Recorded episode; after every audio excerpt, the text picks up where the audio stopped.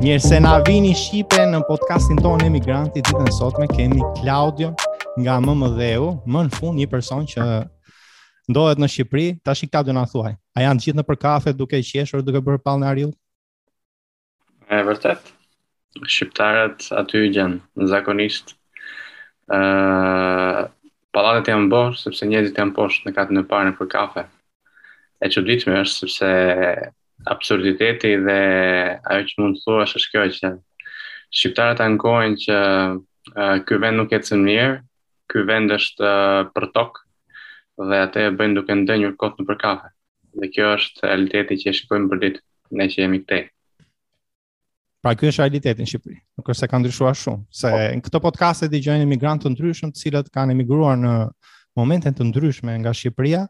Edhe dikush e ka lënë Shqipërinë kështu me radhën e qumshit në 91-shin, dikush e ka lënë Shqipërinë me uh, duke shkarkuar karikatorin e Kallashit në 97-ën dikush tjetër e ka lënë Shqipërinë në gjendje të mirë që ka pasur një bum ekonomik. ë uh, Si është Shqipëria tani? Si si e ndjen ti Shqipërinë rreth përqark teje? ë uh, Unë shikoj që Shqipëria ë uh, ndryshon, kuptohet, ndryshon për mirë, por uh, ideja është se njerëzit ndryshojnë vështirë. çfarë do të them me këtë gjë? Njerëzit vazhdo, vazhdojnë me të njëjtat uh, mund të them avaze ose të njëjtat uh, rituale si vazhdimisht. Domethënë i duan gjërat kollaj, i duan gjërat që uh, t'ju vinë përpara, t'ua servirin atyre dhe mos lodhen shumë.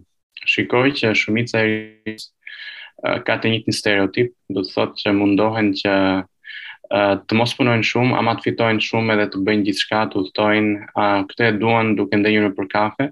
Nuk e di pse, por më duket pak e çuditshme kohët e fundit që shqiptarët ndonjëherë arrijnë të bëjnë arrijnë të bëjnë më shumë gjëra sepse janë qenie më sociale. Do të thotë fakti që rrinë shumë kafeve, socializohen më shumë se të tjerët, arrijnë që me njëri-tjetrin të krijojnë gjëra, situata ose të marrin dhe të shpërndajnë informacione se si mund të arrijnë gjëra, për shembull se si mund të ikin emigrantë në një vend, se si mund të hapin një biznes, një ide. Socializimi është gjë e mirë, por gjithsesi në fund të fundit po s'punove uh, nuk bën dot shumë gjëra. Kështu që shikoj që kafet vërtet janë plot, por realisht uh, ndryshimi ndërmjet uh, brezave shumë i madh. Për shembull, kjo rini në kohën e sotme vetëm do që të rrijë diku dhe mundësisht të bëjë një punë uh, që të punojë për ta. Dhe prandaj gjërat në Shqipëri nuk ecin shumë. Mendoj. Kjo në fakt është një gjë interesante. Na the që në Shqipëri informacionin e marrin nëpër kafe. Okej, okay? love go. Uh, unë kam vërejtur që në vëndet e zhvilluara në përëndim, uh, një prej avantazheve që kanë këto vënde, e tregu ku është zhvilluar, që janë zhvilluar në këto vënde, është edhe lëvizja e informacionit. Pra shikoj që janë shumë të zhvilluar në metoda të ndryshme dhe sigurisht me krijimin e internetit edhe më shpejt, edhe më cilësor ky informacion, por që kohët e fundit ka ardhur një lloj mm, ka ka pasur një lloj diskutimi mbi ato që quhen fake news, pra me vërtet ky ky informacion lëviz shumë shpejt dhe bëhet viral, por jo nuk nuk është gjithmonë i vërtetë, në shumicën e rasteve nuk është i vërtetë, por ndërkohë ëm um, duket se informacioni të paktën këtu në Amerikë për shembull informacioni është ajo që ne mund të quajmë nafta e Amerikës, teknologjia, shpërndarja e informacionit. Dhe uh, sipas mendimit tënd, pra ky informacion në Shqipëri shpërndahet uh, me tërmend siç e kemi ne këtë paragjykim, pra që shpërndahet nga nga kafet, nga llafet njëri tjetrit apo janë me vërtet shqiptarët të cilët në Shqipëri kërkojnë në internet, uh, interesohen, kërkojnë fakte, kërkojnë të dinë pra, shumë për një gjë dhe më pas ta ndërmarrin atë gjë, apo janë ata që shkojnë me llafin e gojës dhe me çfarë thotë shoqëria e tyre, të cilat në fund pra shoqëria e tyre që ndodhet në atë kafe se nuk merret vesh se çfarë thonë tavolinat e tjera. Në tavolina jote është. E drejtë, uh, unë besoj se në Shqipëri informacioni që përhapet uh, nuk bëhet në forma dhe kanale zyrtare, do të thotë nëpërmjet formave të internetit të tipit kanale zyrtare të disa faqeve ose mediave sociale. Përgjithsisht ndodh kjo gjë. Në Shqipëri informa informacionet shpërndahen në një formë, unë besoj, jo formale. Për shembull, nëpërmjet kafeve. Njerëzit ngaqë rrinë nëpër kafe uh, diskutojnë, diskutojnë. Temat e diskutimit janë ato që pastaj vendosin edhe rendin se çfarë do të bëhet. Për shembull, një nga gjërat që njerëzit diskutojnë shumë janë këto reality shows. Për shembull, këtu diskutohet shumë Big Brother. Gjëra që s'kanë asnjë vlerë, por njerëzit i kushtojnë shumë rëndësi. Do të thotë, nuk është se diskutohet shumë ndonjëherë për çështje pune ose çështje zhvillimi ose për çështje ndryshimi social, por më shumë u intereson se çfarë ndodh dhe çfarë thotë ky dhe çfarë tha ai në rrjete të ndryshme sociale ose në gjëra që s'kanë vlerë. Tani, Shqipëria, uh, duke qenë se gjërat janë pak informale, përdorin dy mënyra, mendoj unë. E para, uh, komunikimin direkt me njëri tjetrin, që zakonisht ndodh në kafe ose biseda të shkurtra në rrugë. E dyta, komunikimin nëpër çate, do të thotë nëpër uh, Instagram ose ndoshta të flasin me WhatsApp. Tani, uh, kjo nuk mund të ketë diçka profesionale, domethënë nëse mund të diskutosh çështje profesionale me partnerë, me kolegë, të cilat kanë, vendosin fatet e një kompanie ose mënyrën se si do të ecë një kompani që është startup në fillim e sipër. Por gjërat bëhen pak në mënyrë amatore sepse vetëm diskutojnë me njerëz që shiko thonë uh, këtë unë e njoh dhe kështu që flasim në një mënyrë uh, pak uh, informale në një kafe, sikur hamo daku, se të gjithë jemi me njëri tjetrin dhe kështu e bëjmë. Jo. Uh, mungon ai do të bëj një pyetje te kjo pjesë. Janë, janë disa pjesë interesante këtu. Um, mm. Kur thua që për shembull, në qoftë se do të hapësh një biznes, dhe unë këtë e kam, po, vënë re për vete, kur kam qenë në Shqipëri. Uh, po, akoma jemi me atë mendim që hajde se po pyes filanin dhe fistekun edhe uh, duke marrë mendimin e dy tre shokëve që kemi në kafe, uh, marrim vendimin për të, për bie fjala, për të filluar një startup në teknologji, për shembull. Në vërtetë marrim mendimin e njëri tjetrit, pra nuk sepse unë e bëj krahasimin me me vendet perëndimore. Pra në vendet perëndimore kur ti mendon për të hapur një një biznes të ri, merr parasysh di- disa gjëra, merr parasysh një herë kostot e investimit, merr parasysh uh, sa nevoja ka, sa klientë potencialë mund të kesh, uh, mendon rreth targetit. Dhe këto janë gjëra që Unë për shembull i kam bërë në administrim biznesi dhe është një plan biznesi që shkon 150 faqe që ti merr shumë informacion dhe në fund pastaj e bën atë veprim. Kjo nuk do të thotë që ti garantohesh përfitimi në fund, por bën edhe një lloj planifikimi që në qoftë se për 7 muaj, për një vit unë nuk atë që quhet break even, pra nuk arrij të të mbuloj investimin tim fillestar, atëherë ai biznes nuk nuk nuk ka si të ecë më dhe më mirë po falimentoj edhe pastaj po mendoj për diçka tjetër veten time, se si ta çoj kohën time për diçka tjetër. Akoma në Shqipëri ne marrim vendime të rëndësishme siç është hapja e një biznesi apo edhe blerja e një shtëpie vetëm duke dëgjuar njerëzit përreth nesh, të cilët edhe ata informacionin e kanë marrë nga njerëz të tjerë. Pra këtu bëhet fjalë për një zinxhir uh, telefon i prishur më shumë. Ashtu është. Ë uh, të paktën nga miqtë e mi që takoj shpesh, ë uh, gjëja që më thonë kryesisht është kjo. ë uh, shiko se një shoku im më tha që uh, po të bësh këtë investim, uh, atëherë do të kesh këto përfitime. Për fat keq, uh, për shkak ndoshta të paktën të shoqërisë ose të atij rrethi shoqëror që kam unë, që nuk është se të gjithë kanë një formim të mirëfilltë menaxherial ose ekonomik, domethënë të gjithë mendojnë uh, përfitimet fundore që ka një hap se sa uh, si të vrasësh mendjen që ta ngresh uh, një punë ose të kryesh një aktivitet Dhe po, kështu funksionon. Domethënë, më tha Elsi ose më tha Klaudio, më tha Hasani, kushdo qoftë që shiko se kështu e kështu iket ose kështu mund të ikësh në bie fjala në në Evropë, në Gjermani. Uh, po të bësh atë gjë, ashtu do të ikësh.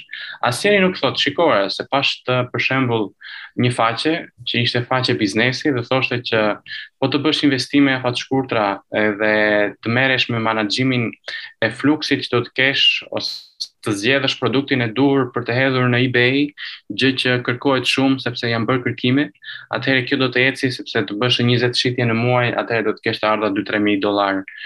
Jo, uh, përgjithësisht vazhdojnë kështu që më tha ky e bëri kështu kam dëgjuar nga ky po ai ishte ekspert po asnjë s'thotë shiko se unë kërkova dhe gjeta duke bërë hulumtime që mënyra më e duhur është ta bësh kështu hajde ta provojmë deri tani jo Prandaj pra jo, po, po sinqerisht, nëse ne do ishim kafe për shembull, un ti edhe nja dy tre, shokë tjerë. Edhe mm. ti do thoje, dëgjo se ka bër lek filani, di un ka marr BMW-n e fundit e X5-ën e po them unë duhet të fillojmë ne të hapim atë uh, atë zinxhirin e e, e lavazheve, se me lavazho ka bër lek tjetri, un e di e ka hapur aty në Durrës atë. Qoftë se un filloja e thoja. Po dëgjo se duhet planifikojmë se sa do harxojmë në muajin e parë, muajin e dytë, ku do i marrim ne punëtorët, a duhen punëtorët do të fillojnë vetë këtë. Qoftë se unë do bëja atë këtë muhabet, a do më dëgjonte njeri mua, a kemi ne këto nerva? Ëm, uh, jo, por e sigurt është që ata që duan ta bëjnë, për shembull, ata që kanë interes real do ta bëjnë. Për shembull, në qoftë se biseda kalon pastaj në nivel teknik, që shiko se do investojmë kaq para, do bëjmë këtë gjë, do marrim këtë vend me qera, do marrim kaq punëtorë, do marrim këto pajisje. Atëherë kalon realisht nga plan në letër, kalon në te, në praktikë, kështu që atëherë është është momenti i dytë pas planifikimit dhe idesë, hedhja në praktikë. Kështu që kjo është që ka vlerë, se po s'bëre këtë, s'ke bërë asgjë, se në teori... Pra, me, sh me shumë mundësi në qoftë se do, do hapeshe kjo muhabet, do bëheshe diçka, por në fakt ngaqë hapet një muhabet në një mënyrë tjetër, që është dëgjo ti, shiko se unë e di ai ka bërë lek, për shembull ai ka bërë lek, duhet të bëjmë të njëjtën gjë, po u hap në atë mënyrë, me shumë mundësi nuk, nuk hapet asnjë biznes, apo? Ashtu është. Uh, ideja është që duhet kaluar, mendoj, nga niveli i kafeve edhe në praktikë. Domethënë që të kalohet në një plan më serioze, të bëhen gjërat në, në, në praktikë duke filluar dhe duke bërë gjërat, sepse të them të drejtën, kam disa miq të cilët shumë shpesh me ta diskutoj që shiko se Uh, kam ide shumë të mira biznesi dhe mirë është që t'i bëjmë sepse shikojmë që në Shqipëri mungojnë duke qenë se ne udhëtojmë dhe dalim pak në Europë në ca vende për shkak të punës, por realisht uh, kemi disa kohë që diskutojmë, mos them nja 3-4 vite dhe në fund fare pastaj uh, ajo që dëgjoj pas kësaj bisede është uh, duhet të ikim në Austri se këtu s'bëhet vend. Kjo është në fund është investim më i mirë të ikësh në emigrim se sa të hapësh biznes. Ë, uh, them të drejtën uh, në Shqipëri nuk është se është e vështirë uh, që të krijosh një biznes, uh, edhe pse shumë njerëz mund ta kundërshtojnë. Por uh, është një treg shumë dinamik, edhe i vogël, uh, kështu që besoj se për ata që përpiqen vërtet ia dalin, por varet, varet, varet si e shikon, varet nga fusha që do të investosh, varet uh, sa me dëshirë e ke, sepse në qoftë se është e vështirë në Shqipëri, ndoshta nga mendimi im, po kush tha që është më kollaj jashtë vendit, është akoma më e vështirë mendoj. Por uh, shumica e njerëzve nuk e kanë problemin si të krijosh një biznes ose si të krijosh një ndërmarrje sipërmarrje në Shqipëri. Çështja është që s'ndihen mirë në këtë vend. Kjo është një gjë sikur që kur shi, i shikoj njerëzit të paktën të rinjtë se mosha tjetër që e kanë vendosur të rrinë mosha e madhe s'kanë çfarë bëjnë, sikur e kanë gjenetike që të gjithë kanë atë mikrobin që o oh, duhet të ikim, duhet të ikim se në këtë vend nuk rrihet. Nuk e di pse, por uh, për biznes nuk është keq. Gjithsesi është vend i keq në një gjë për biznes të vogël, që shtetin s'e ke aleat. e ke kundërshtar. Edhe ky është problemi që njerëzit më tepër i shqetëson. Kuptoj. Ë uh, Unë jam dakord që shtetin nuk e ke aleat ë uh, um, personat mendojnë që mbase të emigrojnë, është investim më i mirë se të hapin një biznes. Dhe fundja kushdo që e ka planifikuar emigrimin, pasi edhe në anketime të ndryshme del që rreth 38% e rinisë tani në Shqipëri po planifikojnë të largohen nga Shqipëria. Dhe kur ti planifikon normalisht që e ke më të vështirë që të investosh. Se kur investon dhe në të njëjtën kohë planifikon të largohesh, në momentin që ti hap një aktivitet, duhet ta shesësh atë që më pas të largohesh. Dhe duket sikur kjo ka qenë pengesë e madhe për rininë, pra që gjithmonë e kanë pasur mendjen nga jashtë shtetit, por uh, Klaudio ti, ti ke qenë emigrant vetë. Ke një përvojë në emigrim. Apo? Po. Ok, uh, cila ka qenë përvoja jote për, për emigracion? Pasi uh, ajo që ky podcast po mundohet që të japë është një informacion i qartë për emigrimin, dhe unë kam vënë re, uh, besoj dhe ti ke vënë re që në Shqipëri, uh, kur bëhen këto llogari të hap një biznes apo të shkojnë në emigrim, duket sikur pjesa e biznesit gjithmonë ka edhe më shumë informacion se pjesa e emigrimit. Pra, ky investim që ne bëjmë në emigrim, kemi parasysh ne se ku do shkojmë të përplasemi në emigracion? Unë mendoj se emigrimi është shumë i vështirë. Uh, mendoj se gjërat uh, deri diku janë më të kollajta në vendin tonë, domethënë, po do të krijosh një gjë në Shqipëri, mendoj se është shumë herë më kollaj krahasimisht me emigrimin, si e shikoj unë emigracionin, emigracioni nuk është asnjëherë kollaj, është shumë i vështirë, sepse në shumicën e rasteve, për shumicën e atyre që duan të largohen, uh, kur shkojnë diku në Europë, ndoshta dhe në vende më larg Amerikë ose s'ka rëndësi. I bie të fillosh gjithçka nga zero, domethënë të shumëzosh të gjitha ato vjet vite mundi përpjekje për t'u zhvilluar në vendin tënd dhe për të arritur që të kesh një status jo social, po më tepër status në punën tënde, që kam kaluar këto stade dhe jam në këtë nivel, kështu që pastaj do duhet të marr këto të ardhura dhe pothuajse ta shumëzosh me zero dhe të fillosh nga zero. Është sikur të bësh uh, një rifillim duke mos patur asgjë. Tani, varet, për disa njerëz kjo nuk është se ka rëndësi, domethënë, unë njoh njerëz që uh, kanë punuar në nivel menaxherial, edhe thonë më mirë iki punoj kamarier në Gjermani, sesa të rri të vazhdoj të rri në këtë vend. Për mua si më është dukur si emigrant që kam qenë, uh, nuk është kollaj, sepse unë kam qenë me studime, uh, shumë e vështirë është, thjesht disa gjëra jo plotësisht jashtë funksionojnë më mirë se këtu, domethënë shteti është është shtet social, të kthen ato të ardhura që ty të merr nga nga ato që janë paga jote ose të ardhurat e tjera.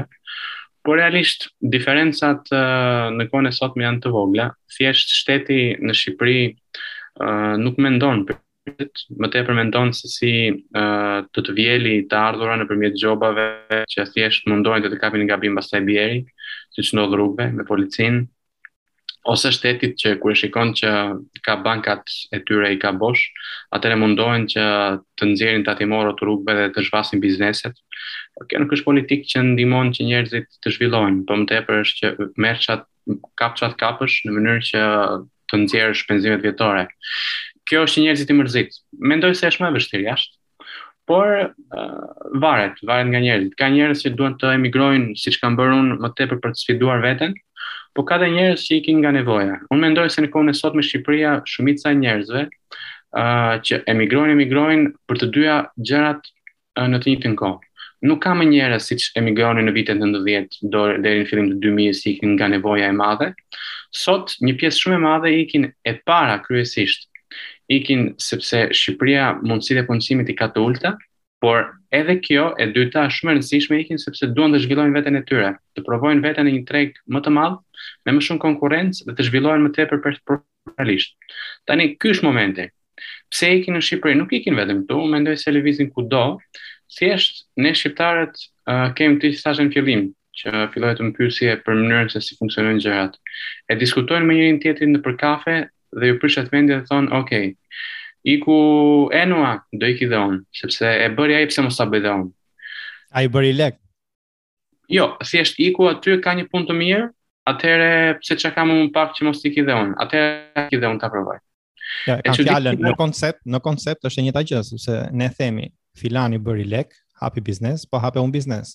Themi filani po. bëri lek në emigrim, po shkoj dhe unë në emigrim. Pra shikojmë arritjen e fundit mas 5 vite, 7 vite që bëri bie llafi Enoja, për shembull, iku Enoja bëri në 7 vjet, vitin e 7 bëri lek. Por ndërkohë në pra në këtë rast hipotetik Eno në 7 vjet ka qenë në, në sakrificë. Dhe sakrificë do thotë të heqësh dorë nga disa gjëra, sepse ndryshe nuk do ishte sakrificë, pra mungon për kufizimi. Dhe a jemi gati ne kur shkojmë në emigracion të heqim dorë nga disa gjëra, sepse me shumë njerëz që kam biseduar dhe intervistuar në emigracion, ka disa gjëra që mungojnë në emigracion dhe sidomos në ato vitet e para kur ne jemi në sakrificë. Pra, është rehatia e Shqipërisë, pasi në vendet e zhvilluara ke edhe më shumë fatura që do t'i hedhësh mbi supe.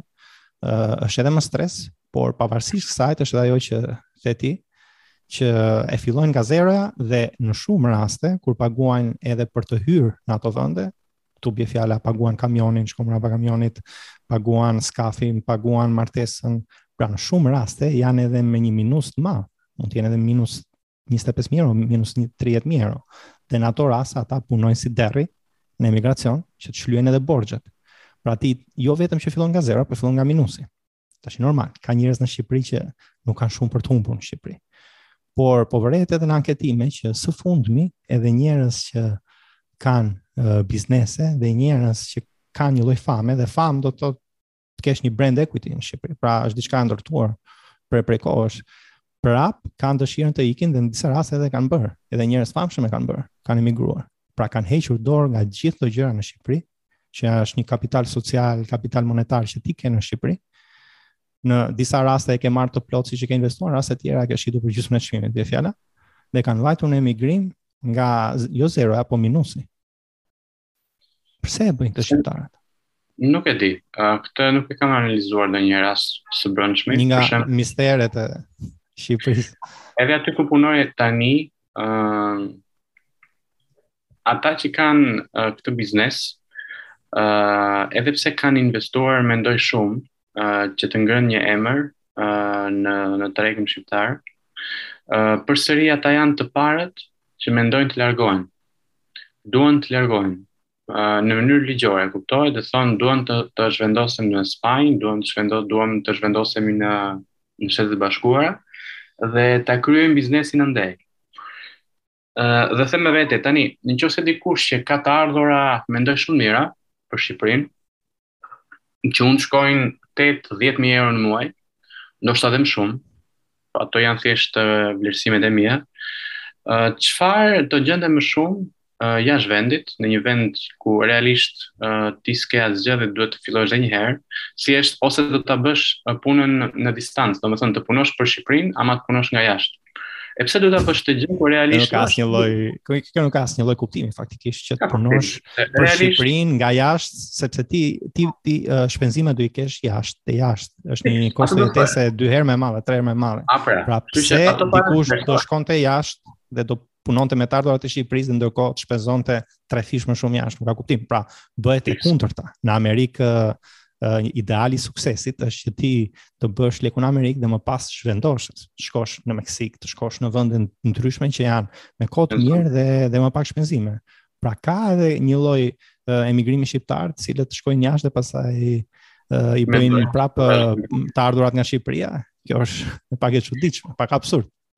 Është. Ë të paktën këtë e kam parë nja dy raste, përveç se atyre uh, që kanë atë biznes që unë punoj, por uh, nuk e di, domethënë, është një prirje e çuditshme që njerëzit thjesht duan të largohen nga vendi, por ama ti përmende pak një që më parë, domethënë, njerëzit që jashtë vendit të arrish të ngresh kokë, do të thotë të jetosh të paktën me dinjitet, është që do duhet të bësh sakrifica të mëdha.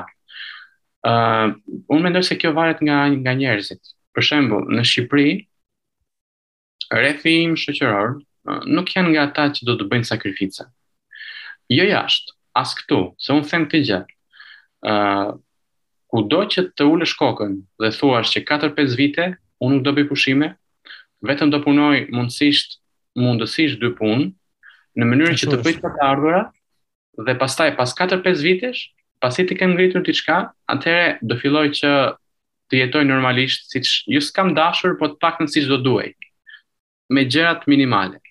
Por ama po s'ule kokën 4-5 vite, unë mendoj jo vetëm në Shtetet e Bashkuara, po edhe në Shqipëri, në asnjë vend nuk do bësh gjë. Por shikoj njerëz që dhe më bën shumë përshtypje në Shqipëri, që nuk kanë punuar asnjë ditë, Uh, janë goca të reja, uh, kanë celularin e fundit që ka dalë nga iPhone-i, kanë një makinë që kushton 10 deri 12.000 euro, edhe ankohen që në Shqipëri gjërat nuk ecin mirë. Po unë them, si ka mundësi që nuk ecin mirë, kur ti gjithmonë mendon që ah sa mirë do doja që të rrija, që të pushoja, që çdo verë të ikja në plazhe dhe të rrija kot, kur realisht ti s'je e gatshme të sakrifikosh sepse gjërat i ke pas gati. Nuk e di se si sa disa njerëz në Shqipëri u qëllon që gjërat t'i kenë kollaj të arritura dhe duke mos bërë asnjë lloj sakrifice për të marrë dhe për të arritur diçka. Kështu që krahasimisht me emigracionin, a duhet të sakrifikosh që të arrish diçka, po jo më, njëlloj është dhe në Shqipëri. Unë, po të më thuash një njeri që ka ulur kokën për katër-pesë vite në Shqipëri dhe ka marrë si qeni, do të them sinqerisht ai ka bërë diçka. E sigurt është. Kanë bërë lek apo? Jo. Kanë bërë lek. Kush ka punuar ka bërë. Po kush ka ulur kokën ka thënë, a unë do punoj dhe o e arrij o s'ka. Ai ka gjithmonë ka arrit. Nuk është e po rëndësishme se ku je.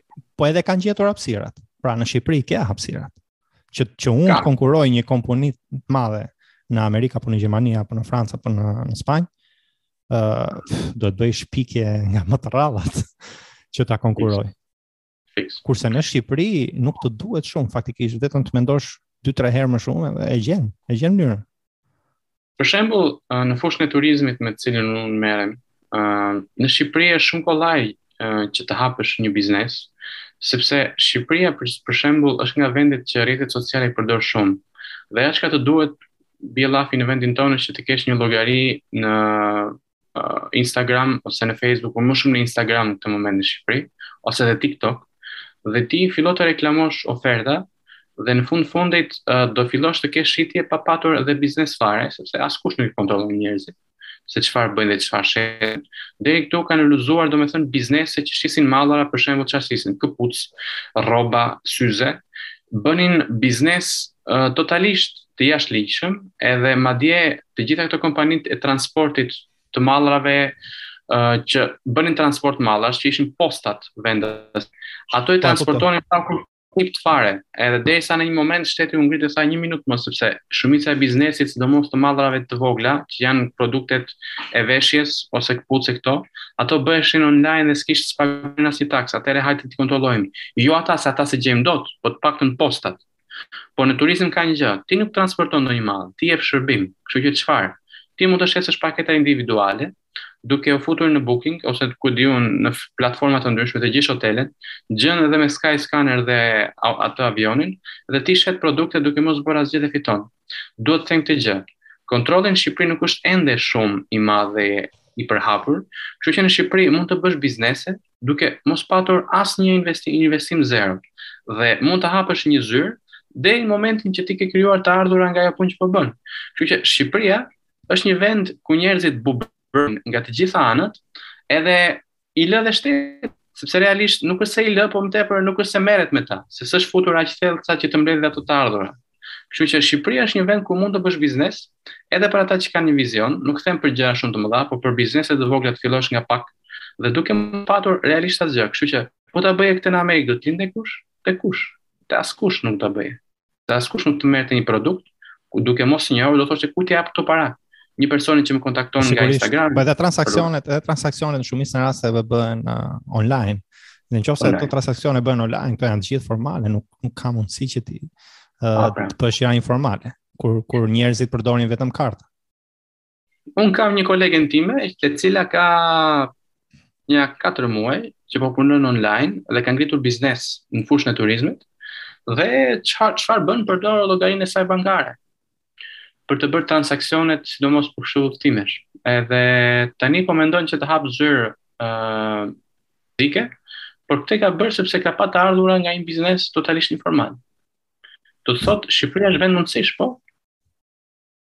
Për ata që shikojnë. Toka, toka e premtuar për ata që punojnë ama. Është toka që na përshtatet neve. Në fakt shqiptarët kështu e duan që të mundohen të bubrojnë pak, pastaj kur shteti u thotë shikoni se po fiton pak na jep dhe ca neve, atëherë ikin regjistrohen. Është ai parimi në Shqipëri që më thonë. Na na pëlqen mjegulla. Kujdo, jo vetëm shqiptarëve, kujdo e pëlqen, por në Shqipëri akoma ekziston. Kështu që ata që duan të investojnë në Shqipëri dhe të bëjnë gjëra, të cilat ë uh, mund të bëhen edhe pak online, domethënë në kuptimin që mund t'i bësh edhe nëpërmjet rrjeteve, Është vendi, është vendi i duhur. Claudio, ti përmende më përpara që ka shumë të rinj, le të themi, shumë njerëz, po sidomos të rinj që ankohen dhe ndërkohë mendjen e kanë se ku do shkojnë në çdo fundjavë, ndërkohë mendjen e kanë se ku do shkojnë të pinë kafen e mëngjesit apo kafen e drekës, dhe mendjen e kanë tek makina re që do blejnë, dhe ndërkohë ankohen dhe mendojnë se si të emigrojnë. Tani në shumë raste ose në pak, le të themi në ato raste që kemi këtë lloj personash nga Shqipëria kur emigrojnë uh, punojnë si derri sepse nuk kanë mundësi tjetër. Pra kjo është e vetmja mundësi, sepse edhe ai vend që të pret faktikisht të do që të punosh, se për, për ça për ça po vjen në fund. Ë uh, si e shpjegon ti këtë pjesë e kalimit pra? Duket sikur nuk është pjesa e karakterit, pra pjesa e nevojës.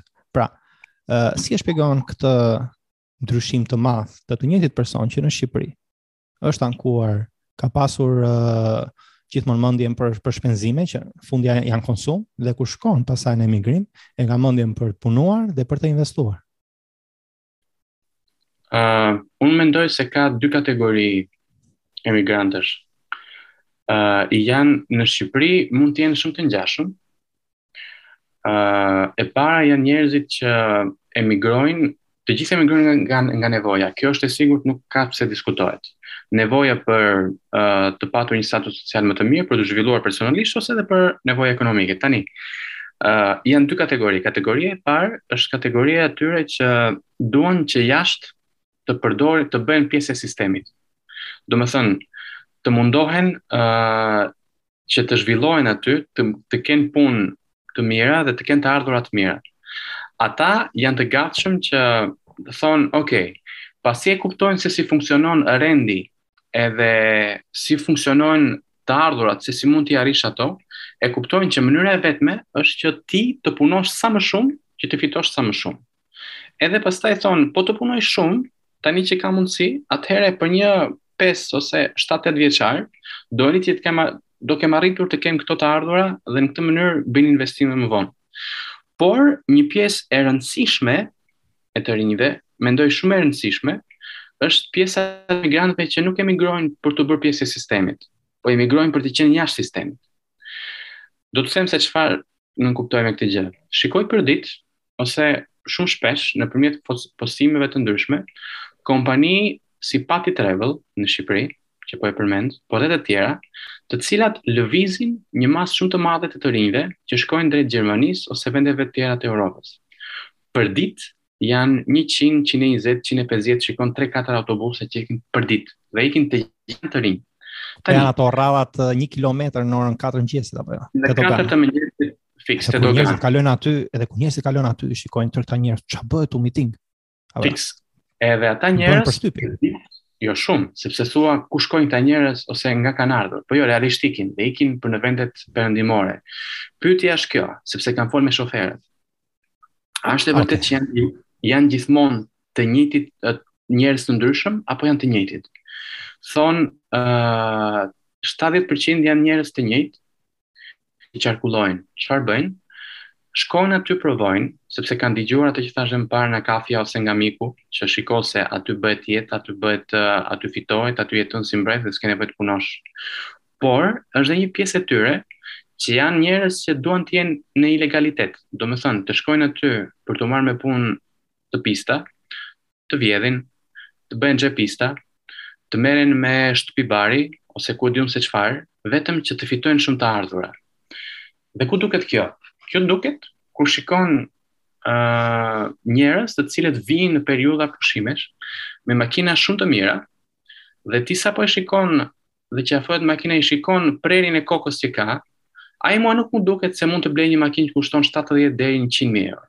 Një ai lloj. Por mos me qenë të paragjykues, mbase ka punuar fort. Po këtë ne nuk e dimë. Ndërkohë shikojmë që janë çuna të rinj dhe goca të reja që në një moshë, le të themi 25 vjeç, pra nuk ta mbush syrin për 35 apo 40 dhe vijnë me Ferrari që në disa raste edhe e kanë marrë me qira. Por zëmë vetëm ato raste që nuk e kanë marrë me qira dhe që i blen ato, edhe i shikon që kanë gjithmonë iPhone-in e fundit edhe zinxhira floriri dhe këta dallohet që kanë bërë lek. Tani ti mendon, në një vend të zhvilluar, si Anglia, apo Gjermania, apo Amerika, ku tregu është i zënë, pra ti mendon, ky njeri nuk ka hapur startup, se të hapë startup, do kalojë kohë, këte, edhe nuk duket si njeri, nuk duket si Elon Musk, kur e shikon, a nuk duket as si Bill Gates. A, pra. Si ka bërë kaq shpejt lek?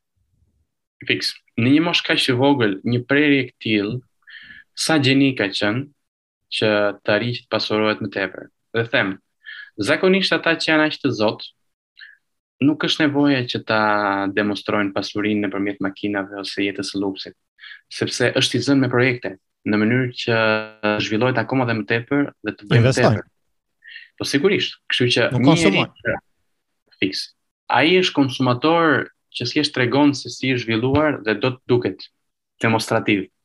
Tani, një pjesë shumë e madhe e të rinjve, ashtu, mund të jetë edhe gjysma e tyre, thjesht dëshirojnë që të shkojnë jashtë vendit, të merren me një gjë që është e paligjshme, kur shumë thjesht arrijnë të shkojnë jashtë, por në vend që të bëhen pjesë e sistemit dhe të jetojnë si gjithë tjerët aty, preferojnë që të punojnë në ilegalitet dhe të merren me gjëra të ndaluara vetëm që të krijojnë para.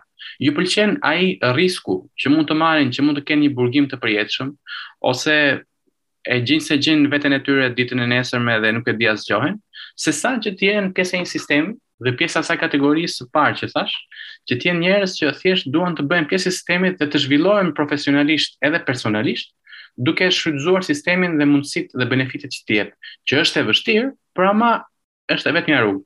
Për disa s'u duhet fare. Dhe një pjesë e madhe e të rinjve mundohen që thjesht të mundohen të marrin frutet e të tjerëve, duke e bërë në mënyrë ilegale. Në Shqipëri Kjo është tendencë, nuk është se është një pjesë shumë e vogël. Është tendencë. Dhe vetë them, sepse unë jam 33 për 34. Them, si ka mundësi një brez që është më i vogël se sa mua, të duhet që të merret me këtë lloj gjëje. Arsyet sociale janë të shumta, e kuptoj. Po më vjen keq për njerëz të rinj që si të vetmen mundësi zhvillimi shikojnë që vetëm të merren me gjëra jo të drejta dhe përgjithësisht të paligjshme. Pse të duhet ta bësh këtë gjë? Vërtet, mund të punosh me një punë të thjeshtë, sepse shiko, kur ti ke vendosur të ikësh jashtë, gjëja e vetme që mund të bësh është të ulësh kurrizin dhe të punosh fort. Tani, si e di, do thonë shumë njerëz si e ka hallin tjetri, ti nuk je që do të gjykosh të tjerët. E vërtet, e vërtet. Por në qoftë se dikush unë them, Nga të gjithë ata njerëzit që merren me gjëra ilegale, të gjithë e kanë patur këtë dilemë që do duhet të bëj 5 milionë euro që unë të ekzistoj? Apo thjesht kanë thënë dhe i ka joshur ajo paraja e madhe e një gjëje ilegale? Unë mendoj se në shumicën dërmuese të rasteve, e dyta, duan të merren me atë që është ilegale, sepse u pëlqen paraja e madhe dhe frutet që në fund të sjell për një kohë shumë të shkurtër ajo Claudio, e, e, e kanë parasysh këta njerëz se çfarë i pret, nëse i futen atij muhabeti? Ë, uh, mendoj se jo. Sipas mendimit tënd. Po. Mendoj se jo, sepse në fillim ë uh, njerëzit gjithmonë joshen nga fatet që kanë disa njerëz që kanë kohë që merren. Por, për fat keq, ata që fillojnë merren, sepse kam pas një bisedë të ditë, ë uh, nuk shkëputen dot më vonë nga ajo gjë, sepse në kohën e sotme, jo vetëm në biznes, po mendoj edhe në këtë fushën e ilegalitetit, të dish gjëra është gjë e rrezikshme. Kështu të dish gjëra nuk të lë njeri të largohesh nga sistemi pastaj, sepse ti mund të flasësh dhe do krijosh shumë probleme. Dhe pastaj po u largove, do të largojnë dhe ata aty. Dhe prandaj shumë njerëz që janë futur pjesë e kësaj, e dinë që s'largohen dot më, kështu që ngelen brenda saj, derisa të krijojnë probleme dhe pastaj gjithçka të marrë fund. Claudio, kur unë mendoj këta njerëz, pra nëse shkojnë te vendimi që do shkoj, do marr riskun tim, nuk e di të nesërmen nëse bëj këtë gjë. Nga ana tjetër mendojnë që edhe në Shqipëri nuk është se kanë perspektivë. Ky është mendimi. Pra nuk nuk është se e thellojnë shumë siç si siç e the ti që të mendoj se sa duhet të investoj për të hapur një biznes, për të hapur diçka, apo për të krijuar këto asete që në fund pastaj do jenë si pula që bëjnë vezë. Nuk është se mendojnë shumë në Shqipëri. Dhe shkojnë në emigrim dhe thonë do merren me këtë gjë. E zë. Ë, uh, por mund të ketë njerëz tjerë që mbase shkojnë për të punuar, për t'u futur pjesë e sistemit dhe në fund pastaj shohin që ë uh, diskriminimi është shumë i madh për një emigrant që ka vajtur ilegalisht Borxhet janë shumë të mëdha, sepse kanë paguar nja 30-35 mijë për shumë për mënyrën për të hyrë. Uh, familja në disa raste kur kanë qenë uh, në disa, sepse në disa intervista kam, kam dëgjuar që uh, i çojnë edhe për azil në moshë të re, 16 17 vjeç, dhe këta janë kontingjent për atë lloj punësh. Ë uh, ka harxhuar shumë dhe këta fëmijë nuk është se i tregojnë familjes se çfarë po ndodh në momentin që shkojnë dhe këtu bëheshe fjalë për një shembull që ishte Franca, që kishte numrin më të madh të azilantëve nën 18 vjeç nga familje shqiptare që i kishin lënë si pika ankorimi, pra e lënë aty fëmijën, dhe pastaj ai jeton aty, nuk mbase familjet mendojnë që ata këta fëmijë në Francë ose në vende të tjera ë uh, dikush do t'u përkushtojë kohën e tyre dhe do uh, dhe dhe do kujdeset, por në fakt sipas uh, informacioneve që kam në internet, nuk është se kujdeset njeri dhe shkojnë në ca institucione që janë lënë pas dore, sepse janë institucione për fëmijë emigrantë të tillë. Uh, dhe përveç kësaj, në fakt është edhe kjo që po thoja, pra një sistem që i diskriminon këta emigrantë ilegalë, i, i vën edhe më shumë pengesa, i vën edhe më shumë shpenzime. Dhe në fund pastaj këta njerëz mendojnë që sa të rri të laj dyshemet apo të laj banjot për 5 plus vjet deri sa të arrij që të gjej dikë që t'i jap ato lek avokat që të ma marrë zvarrë gjithë gjitha. Më mirë po i bie shkurt me këto lloj trafikime. Ë uh, tani sipas mendimit tënd, ë uh, e thamë që është edhe faji i tyre, po kanë edhe faj ato vende ku këta emigrantë shkojnë, sepse kjo çështja e emigrimit është bërë çështje thelbësore në këto vende të zhvilluara. Edhe gjithmonë një një palë mundohet që t'i integrojë, pra që t'i thotë që dëgjo se ka edhe një alternativë tjetër dhe një palë tjetër është ajo populiste që shkon me ata banorë që thonë uh, t'ja bëjmë sa më të vështirë, t'ja bëjmë sa më të frikshme që më pas të kthehen. Kupton? Po kthehen këta njerëz masi investojnë kaq shumë nga koha e tyre, nga mundi i tyre dhe nga lekët e tyre? Ëm uh, Unë them se jo. Nuk kthehen mbrapa sepse shikoj që një pjesë e madhe e njerëzve uh, i shikoj vazhdimisht në përpjekje për t'u larguar. Dështojnë dhe fillojnë dhe përpiqen përsëri. Domethënë, të njëjtën gjë. Duan, bie fjala, të ikin në Mbretërinë e Bashkuar. Nuk ia dalin, i kapin, i deportojnë, mundohen të ikin në formë legale. Dhe gjithmonë janë në përpjekje të për t'u larguar në një vend konkret. Tani, emigrantët, nuk e di, Shqipëria është një vend me një emigracion shumë të lartë. Shumë të lartë. Por, më bën një gjë shumë përshtypje. Të ikësh jashtë vendit, unë nuk di një vend në Evropë që ti mund të ikësh të thuash do marr kartën time të identitetit ose pasaportën, do shkoj të regjistrohem dhe do të kërkoj punë aty si një punëkërkues i papunë. Nuk ka asnjë vend. Nuk e di si shumica kaq e madhe e njerëzve arrijnë që të shkojnë në një vend, unë vetë kam emigruar, po kam emigruar në formë legale, kam qenë me vizë, vija regjistrohesha. Dhe ke shpenzuar shumë shumë pare për atë. Shumë, shumë, shumë. Tani, uh, shumë njerëz në Shqipëri, unë shikoj që njerëzit vazhdojnë dhe ikin. Thonë, Kam shkuar në Suedi, kam shkuar në Norvegji, kam shkuar në Zvicër, kam shkuar ku e di unë në Mbretërinë e Bashkuar. Unë nuk e di se si ikin këta njerëz, sinqerisht nuk e di se çfarë forme përdorin, që ikin të gjithë. Sepse realisht nuk lejohet, nuk të pret askush. Si mund të shkosh aty, si mund të bësh dokumentat, por disa njerëz. A janë këto informacione një lloj siç ne mendojmë në Shqipëri për bizneset? Pra dëgjojmë çfarë ka thënë filani fisteku në kafe, çfarë na kanë thënë vërdall nesh. Pra, uh, a, a e marrin edhe këtë lloj investimi në këtë mënyrë, nuk planifikojnë mirë, pra kemi këtë informacion të gabuar gjithmonë, nuk shikojmë në gjërat që duhet shikojmë, sepse informacioni është online, kur thua ti, pra mund të shkojnë, të interesohen, të dinë online, uh, përpara se të emigrojnë në një vend caktuar të mësojnë gjuhën, që më pas pas mësojnë gjuhën të shkojnë për informacion ose thjesht në anglisht, nëse din anglisht. Pra duket sikur ka një padituri edhe në planifikim për këta njerëz. Ashtu është. Uh, njerëzit thjesht uh, është koncepti i mënyrës se si funksionon shoqëria shqiptare, e dëgjojnë nga miqtë përhapet pastaj në formë vale nga një tavolinë te tjetra dhe mbërrin me këto 28000 km katrorë sa Shqipëria. Uh, Dhe pastaj të gjithë synojnë të njëjtën gjë. E njëjta gjë ndodhi në 2016 ose 15 çfarë ishte. U hap thesi për Gjermaninë dhe autobusat iknin përditë me qindra e qindra veta. Pse? Sepse dikush përhapi lajmin që shiko se është bërë deti kos dhe aty duhet të shkojmë sepse do jetojmë wow, mirë. Absurde, dikush hapi lajmin. Dikush hapi, po pse, doli ndonjë formë zyrtare që thoshte shikoni hajdeni sepse këtu lejohet edhe neve kemi nevojë për 3 milion shqiptarë që të zhvillohet Gjermania. Kush e tha atë? Po të kërkosh në formë legale, në institucionet përkatëse, të gjithë thonë, në qoftë se je nga një vend i tretë dhe jo pjesë e Bashkimit Europian, ti duhet të kesh domethënë diçka shumë të madhe që të marrin. Ose, pasi të kenë bërë një tre muaj kërkime në tregun vendas, dhe s'kanë gjetur asnjë në 600 milion sa është e gjithë BE-ja, atëherë do marrin ty. Kaq kollaj. Kështu që, se si ia dalin nuk e di. Tani, përhapja e informacioneve në këtë formë informale, i ndihmon që të shikojnë vetëm anët pozitive të asaj gjëje, por realisht anët negative janë këto që ti s'ke mbështetje sociale, lë një fëmijë pesëmbëdhjetë gjashtëmbëdhjetë vjeç e lë në Francë, në Spanjë ose ku e di unë se ku, dhe ti i thua pastaj atij mundohu që të bësh dokumente të bëjë ai çfarë? Ai s'është i ndërgjegjshëm për veten e vet. Dhe pastaj përfundojnë që të merren me gjëra që thjesht të mbijetojnë dhe gjëra të ndaluara. Dakord, këta janë kontigjent i kësaj kategorie, por uh, unë nuk flas vetëm për ata, unë them edhe për përgjithësi në përgjithësi dhe për njerëzit që janë dhe në moshë më të madhe, që thjesht shkojnë në një vend dhe arrijnë të bëjnë dokumentat me një milion e një gjëra që nuk e dinë se si e bëjnë. Vetë nuk e dinë rrugën, ama diku gjatë momentit që kanë shkuar aty se çka gjejnë korridoresh dhe hapësirash ligjore që arrijnë t'i bëjnë. Njoh vetë personalisht një personazh këtu në Shqipëri, i cili është historian, është koleg, ë uh, ka bërë dhe ka bërë një botim shumë të rëndësishëm këto kohët e fundit. Edhe më pyeste mua se si mundem të shkoj në një vend të Evropës Qendrore, nuk po them vendin. Edhe i them unë do të ta gjej informacionin.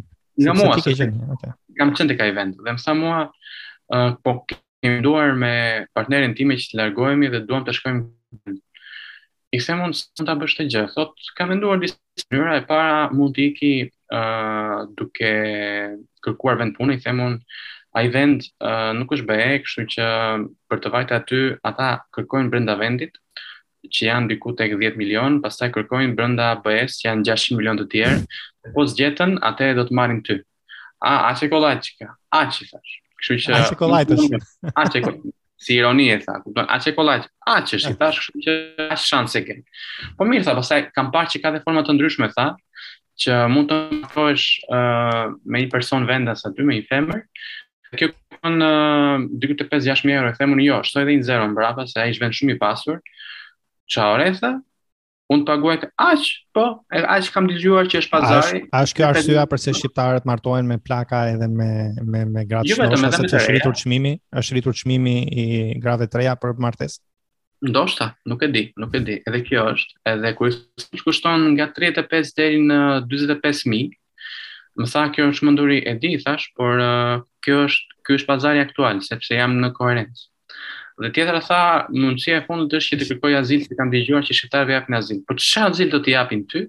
Kur ti je njeri që ke bërë dhe studime akademike, një njeri i studiuar që punon në një institucion shumë të rëndësishëm shtetëror dhe do të ikësh nga vendi yt. Më thuaj mua pse do t'i vijë keq për ty? Një shoku im vajti në azil në Gjermani, edhe vajti në kampin e azilatëve, pastaj në apartament e të gjitha, edhe ndejti nja 3-4 vjet. Ë, uh, edhe kur e kthyen thashë unë po, si ka mundësi ndejte kaq shumë ti? Nuk është se kisha një shpresë që ky do e pranojnë azilin, sepse sipas statistikave që kam uh, gjetur unë uh, online, nëse uh, kërkon azil në një në një shtet të BE-s nga Shqipëria, është konsiderohet si vend i sigurt dhe 99% të rasteve nuk ta pranojnë. Pra ti e kishe gati sigurt që do të kthejnë. 3-4 vjet ndejti aty sepse ky shoku im s'dinte anglisht, nuk dinte as gjuhën gjermane, Dhe duke ditur anglisht, ai përkthente dhe jepte lajmin që duhet të kthehesh në Shqipëri, shqiptarëve të tjerë, edhe në fund pastaj ky i ky i fundit. Pje fjalë. Edhe ky të paktën duroi 3-4 vjet, po për shqiptarët e tjerë thoshte një vit, dy vjet. Ë tashi kur këta njerëz kthehen, po më thua që mundohen prapë edhe prapë edhe prapë. Po. Ëm Tani uh, kur një, këta njerëz dhe njerëz tjerë uh, janë në anketime dhe pyeten, thonë uh, ne duam të ikim nga varfëria. Okej. Okay? Po. Uh, ndërkohë, në qoftë se ikin në vende të zhvilluara uh, me një standard të lartë jetese si Norvegjia apo Suedia, uh, ne duhet të dimë shumë mirë duke qenë aty se çmimet janë stratosferë. Pra, me vërtetë dëgjon kushërin tënd që merr uh, 3000 euro në Norvegji, po 3000 euro janë nivel varfërie. Më mirë me 400.000 lekë Shqipëri. Apo. Ë, uh, po nuk i shikojnë shumë këto gjëra dhe në fund pastaj kur i thuhet ose në diskutim del kjo që dëgjo se kanë edhe uh, kosto të larta, thonë e po mirë. Pastaj duket sikur nxjerrin arsyen e vërtetë. O mirë, uh, nuk ndihem uh, në perspektivë dhe me dinjitet. në Shqipëri. Duket sikur ky dinjiteti është si kryefjala e të gjithë emigrantëve nga Shqipëria. Tani ça halli kemi ne me këtë dinjitet në Shqipëri? Cila pjesë e këtij dinjiteti shfaqet në Shqipëri që i bën shqiptarët të të lvizin, sepse po ta marrësh objektivisht Shqipëria um, është më e pasur, më në rehat për njeriun e thjeshtë se para 50-60 viteve apo 100 viteve. Pra, kemi internete, kemi televizore, kemi lloj lloj gjërash rehati, gjëra që na e mundësojnë jetesën më të rehatshme se më përpara. Por ndërkohë ë uh, dëshira është edhe më e madhe. Megjithëse vendet e tjera po bëjnë çfarë të munden që të na rrisin pengesa. Pra, edhe edhe, edhe partitë ekstremiste djathta janë në rritje. Në Francë, në Itali, në Angli, në Angli ka pasur edhe Brexit. Pra ka pasur një referendum kombëtar ku shumica nuk donte të ishte pjesë e Bashkimit Evropian me arsye kryesore për emigrantët polakë, rumunë edhe të të shteteve të varfra të Evropës. Pra, po vijnë po na marrin punën. Tashi ky dinjiteti në Shqipëri, pse është kaq i madh që prapë i çon këta njerëz në, në, në vende, le themi që në një farë mënyre nuk i duan, por nuk e shprehin, por në fund pastaj votojnë për ato gjëra, dhe, dhe, dhe si shprehet në Shqipëri, kjo mungesë dinjiteti? Uh, dinjiteti unë mendoj se si fjalë thuhet vetëm nga ata të cilët duan të provojnë veten, domethënë, duan që të kenë një perspektivë në karrierën e tyre uh, ose në atë profesion që kanë zgjedhur me më shumë të ardhura edhe me më shumë benefite, me më shumë përfitime. Uh, për shembull, po flas për ata që janë uh, me një kualifikim shumë të lartë, mjekët, uh, infermierët nuk i quajnë, po dhe ato mund të përfshihen, inxhinierët, uh, specialistët e IT-s, të cilët thonë sidomos për këto të mjekësisë, sepse këta të IT-s mund të punojnë edhe remote, punojnë edhe nga shtëpia, por zakonisht shumica prej tyre që njoh, të paktën ata që njoh unë jo gjithë, Punojnë për kompani të huaja, për treg global, kështu që s'u duhet shumë. Më mirë jetojnë në Shqipëri dhe shpenzojnë pak se sa dalin. Faktikisht, atyre të IT-s do i leverdiste më shumë që të punonin për dikë jashtë shtetit dhe jo të jetonin në Shqipëri, po të jetonin në Bali apo në vende edhe më të varfra, të shkonin ku është varfëria më e madhe dhe paktën të ketë një një, një natyrë përreth e një rregull. E vërtet tashmë këto sidomos që bëjnë punë të tjera që s'janë online, uh, që janë punë praktike siç janë mjekët. Njoh vetë raste të paktën një mikeshën time e cila uh, ka mbaruar mjekësinë edhe të ardhurat e tyre ishin uh, janë shumë të ulëta krahasimisht me kolegët e tyre të Europës. Edhe ajo që vendosi ishte që sepse po vinte nga, nga një familje e tillë me një background mjekësie dhe e dinte shumë mirë që njerëzit e saj kanë punuar një jetë aty dhe e pa se çka kishin arritur, edhe pse ishin njerëz të punës, edhe të ndershëm, edhe mundësitë ishin dy, nga sa më thoshte. O të punosh me sistemin dhe ta vjelësh, domethënë të marrësh lek nga njerëzit, të ashtuquajturat zarfet, do të bësh një gjë ose për të vepruar do m'japësh. Ose të largoheshe jashtë dhe të jetoje me dinjitet. Tani, këtu është dinjiteti që del në pah. Për këto njerëz që mua ndërmend më vin vetëm këto të mjekësisë, po gjithsecili mund të thotë me mijëra raste të tjera, nuk është se jam unë, po gjithsesi mua kjo më vjen dhe thotë, unë po shkoj në Gjermani, ku të ardhurat e mia janë diku tek 3700 euro. Dhe jetoj aty. arriti të integrohej me një mijë e një vështirësi, sepse nuk është aq e kollaj, është shumë e vështirë, se do bësh uh, njësim të diplomës, do japësh provime sa të duash, kështu që është sikur e fillon nga fillimi në një pjesë shumë të rëndësishme. S'i jep njëmend të gjitha provimet e shkollës, po një pjesë të tyre i jep sepse s'ta njeh shteti. Arriti që ta bëjë këtë gjë. E vazhdon dhe tani jeton aty. Mbaj mend për herë të parë shkuam bashkë në Gjermani, ika bashkë, unë do ikja në atë moment sepse isha për në Zvicër. Uh, ajo ishte për në Gjermani, unë e çova deri në Gjermani dhe ajo qëndroi aty dhe deri tani që ai moment është aty. Por disa njerëz me të drejtë kërkojnë dinjitetin dhe të paktën që ai mund i madh që kanë hedhur në studime dhe sakrifica në jetë, të paktën të shpërblehet siç ndodh në vendet normale. Po këto janë pak Tani, ata që e përdorin fjalën dinjitet, të tjerët që bëjnë një punë siç bëjmë ne, ose dikush tjetër në fushë të ndryshme, unë punoj në turizëm. Disa punojnë në fusha të ndryshme dhe thonë, po iki për dinjitetin. Dinjiteti mund të shprehet në disa fjalë. Dinjitet që të kesh një shtet që paguan taksa dhe t'i kthen ato në të mira sociale, në përkrahje dhe kuptohet po ashtu në rrugë, shkolla dhe gjithçka tjetër që i nevojitet uh, një të riu, një prindi pak më vonë kështu me radhë, apo të paguash në Shqipëri, siç paguajmë ne, që paguajmë uh, realisht në paga që janë mbi 600.000 lek të vjetra ose 60.000 lek, të paguash 30% e pagës tënde në të ardhura personale, të t'i marrë shteti me siguracione mbi shëndetin, siguracione shoqërore këto me radhë edhe pastaj TAP-i, që është ardhët në të ardhë, është tatim për të ardhurat personale, dhe pyetja është, ku shkojnë këto të ardhura. Po, një nga arsyet është sepse gjërat, disa gjëra funksionojnë shumë keq këtu, edhe prandaj thonë njerëzit duan të jetojnë me më shumë dinjitet. Dinjitet do të thotë ti të punosh, të shikosh punën tënde, por ama atëherë kur ke nevojë për të jetuar me dinjitet, do të thotë të vesh në spitale, të marrësh shërbim, të vesh në shtet, të marrësh shërbim, por nuk ka nevojë të bëhet maksimumi. nevojën më të thjeshtë. Domethënë, ti pret minimumin nga ato, po të bëjnë minimumin, po jo asgjë. Dhe këtu është dinjiteti. Kjo është arsyeja që njerëzit kur thonë, unë iki për dinjitet, iki që të kem një jetesë më dinjitoze. Do të thotë, kur të kem probleme, të kem mundësi që të shkoj në spitalin e fshatit ose e, e qytezës sime dhe aty të mbaroj punë.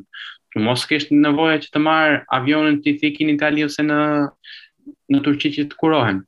Të kem nevojë që kur për shembull shkolla që kam unë aty të jetë një shkollë dhe një njësi komunitare ku fëmijët mësojnë dhe jo ku marrin të gjitha veset e shoqërisë. Këto duan njerëzit. Ky është dinjiteti, domethënë, të bësh minimale, të kontribuosh në shoqërinë tënde me punën dhe atë që të takon ty, ama edhe shteti dhe shoqëria të të japin atë që të takon mbrapa. Në Shqipëri këtë nuk e ke. Domethënë, shteti social nuk ekziston, shteti nuk është fare, në asnjë moment.